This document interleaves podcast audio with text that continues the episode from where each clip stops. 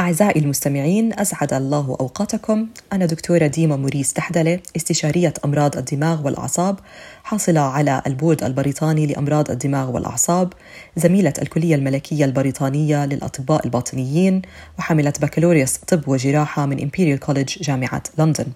سأتحدث اليوم عن الصداع وذلك تزامنا مع الشهر العالمي للتوعية عن الصداع والصداع النصفي. الصداع هو السبب الأكثر شيوعا لزيارة أخصائي دماغ آه، والأعصاب. تقدر منظمة الصحة العالمية WHO أنه أكثر من نصف سكان العالم التي تبلغ أعمارهم بين الثامنة عشر والخمسة وستين عام عانوا من صداع على الأقل مرة واحدة في العام الماضي.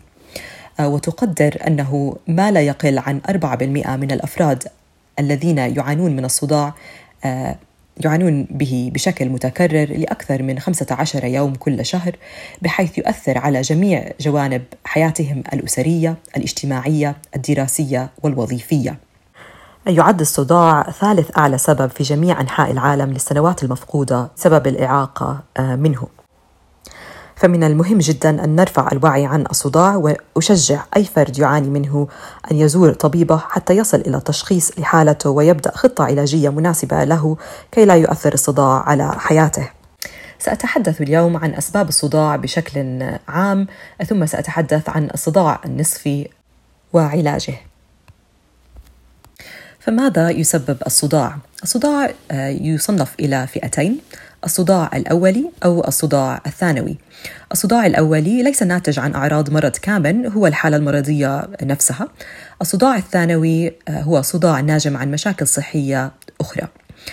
هناك أكثر من 150 نوع من الصداع وكل آه، واحد منهم له أسبابه وأعراض مختلفة وعلاج مختلف.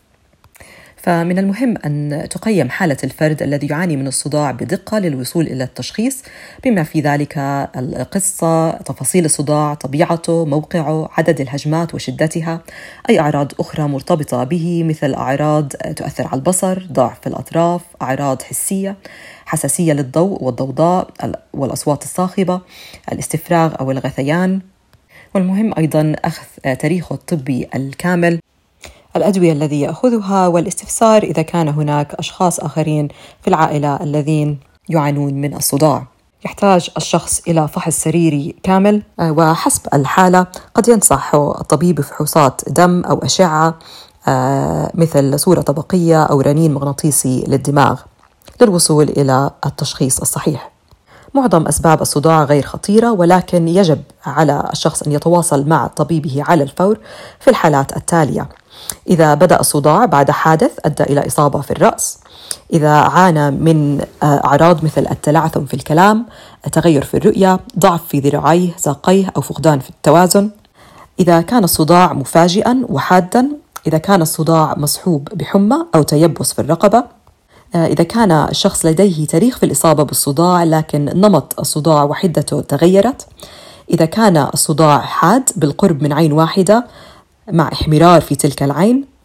إذا كان الشخص آه، فوق الخمسين آه، عام بالعمر وكان لديه حساسية بلمس الرأس أو ألم آه، عند مضغ الطعام أو إذا كان يعاني من سرطان أو نقص بالمناعة. في هذه الحالات أنصح الشخص أن يتواصل مع طبيبه فورا لتقييمه بسرعة. الآن سأتحدث عن الصداع النصفي أو الشقيقة أو المايغرين. وطرق علاجه. الصداع النصفي هو أحد أسباب الصداع الأولي الأكثر شيوعاً بعد الصداع التوتري. تقدر منظمة الصحة العالمية WHO أنه واحد من كل سبع أشخاص بالغين في أنحاء العالم يعاني من الصداع النصفي. آه، رغم أن أسبابه ليست معروفة أو مفهومة تماما هناك عوامل وراثية وبيئية التي تلعب دور وتجعل الشخص أكثر عرضة للصداع. ونعرف أنه هناك تغيرات في جذع الدماغ وتفاعلاته مع العصب الخامس واختلال في المواد الكيميائية في الدماغ سيروتونين وال CGRP قد يبدأ الصداع في أي عمر لكن في أغلب الحالات يبدأ بسن المراهقة إلى الثلاثينات ويصبح أقل حدة على مدى العقود التالية. النساء أكثر عرضة بثلاث مرات من الذكور للإصابة به. ذلك جزئيا بسبب تغيرات هرمونية خلال الحيض فترة الحمل وبسن اليأس.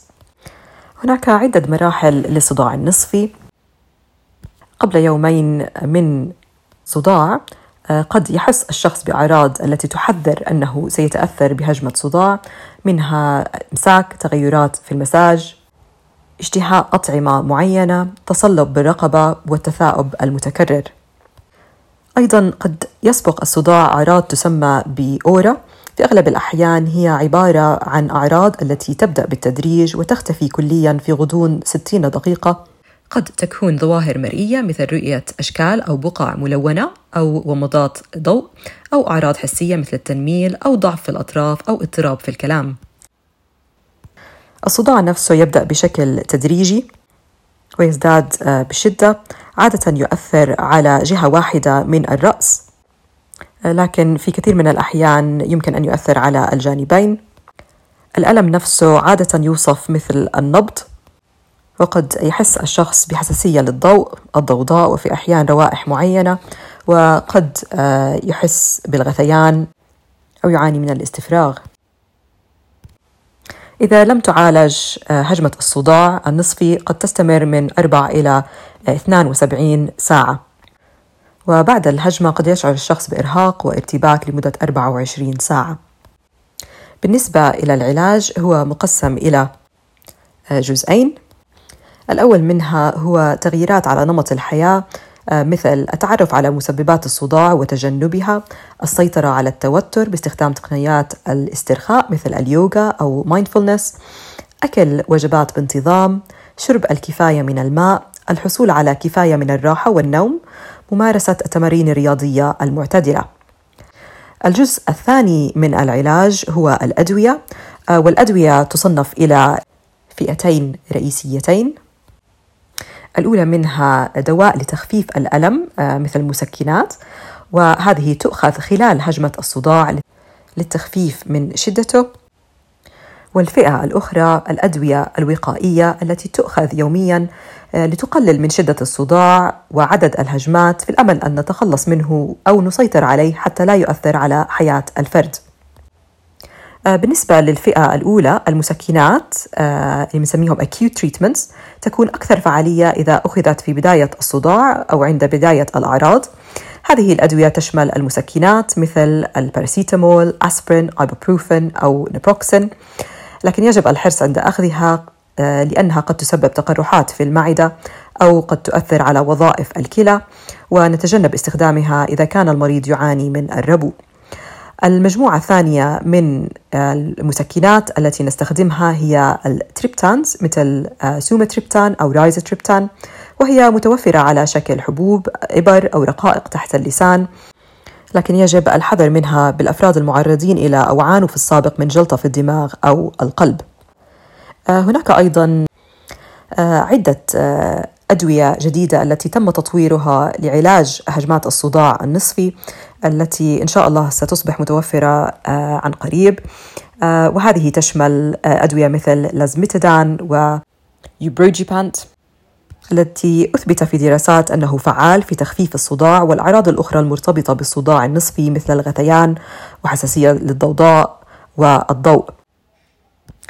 آه، بالنسبة للمسكنات الأفيونية مثل المورفين أو الكودين عموما نتجنب استخدامها إلا في حالات معينة عندما الفرد لا يستطيع أن يتعاطى المسكنات الأخرى لأسباب طبية لأنها قد تسبب إدمان وقد تسبب تفاقم في الأعراض. إذا كان الشخص يعاني من غثيان آه، فأيضا نستطيع أن نعطيه أدوية للحد من ذلك. من المهم جدا أن لا تؤخذ أي من هذه المسكنات أكثر من مرتين بالأسبوع لأنها قد تؤدي إلى تدهور في الصداع حيث يزيد عدد الهجمات أو يتحول الصداع إلى صداع دائم أكثر شدة الذي لا يستجيب إلى أي علاج. فننصح أي شخص يعاني من نوبات صداع متعددة أن يبدأ على دواء آه، وقائي آه، preventative treatment. حيث يقلل من عدد النوبات وشدتها ومدتها للحد من الحاجة إلى تعاطي المسكنات. هناك عدة آه، خيارات ضمنها أدوية آه، التي تستخدم لارتفاع ضغط الدم مثل ال beta blockers propranolol أدوية تستخدم للاكتئاب مثل ال amitriptyline أدوية تستخدم للصرع مثل ال valproate أو ال topiramate آه، البوتوكس الذي يعطى حسب بروتوكول محدد كل ثلاثة أشهر. هناك أيضا erenumab أو Aimovig الذي يعطى كإبرة تحت الجلد شهرياً. هناك أيضا مكملات غذائية وفيتامينات التي أثبت بدراسات أنها قد تساعد بالوقاية من الصداع وهذه تشمل فيتامين B 2 riboflavin و coenzyme Q 10 الخيار الأمثل للدواء الوقائي يعتمد على المريض ومن المهم أن ننوه أنه عند استخدام أي منها أنها لا تعمل بشكل فوري وحسب الدواء الذي تختاره أنت مع طبيبك الذي يناسب حالتك قد يأخذ من ست أسابيع إلى ستة أشهر بأخذ هذا العلاج بانتظام قبل أن ترى تغير إيجابي بحالتك. وهذا هو أحد الأسباب الأكثر شيوعا لفشل العلاج. فأشجع أي شخص يعاني من الصداع النصفي أن يستخدم هيديك دايري أو مذكرة يومية يدون فيها كل نوبة صداع شدتها ومدتها فهذا يساعد على تقييم أي استجابة مع العلاج بطريقة موضوعية وتساعد الطبيب أن يتخذ قرار آه، بالاستمرار أو بتعديل الخطة العلاجية إذا لزم الأمر.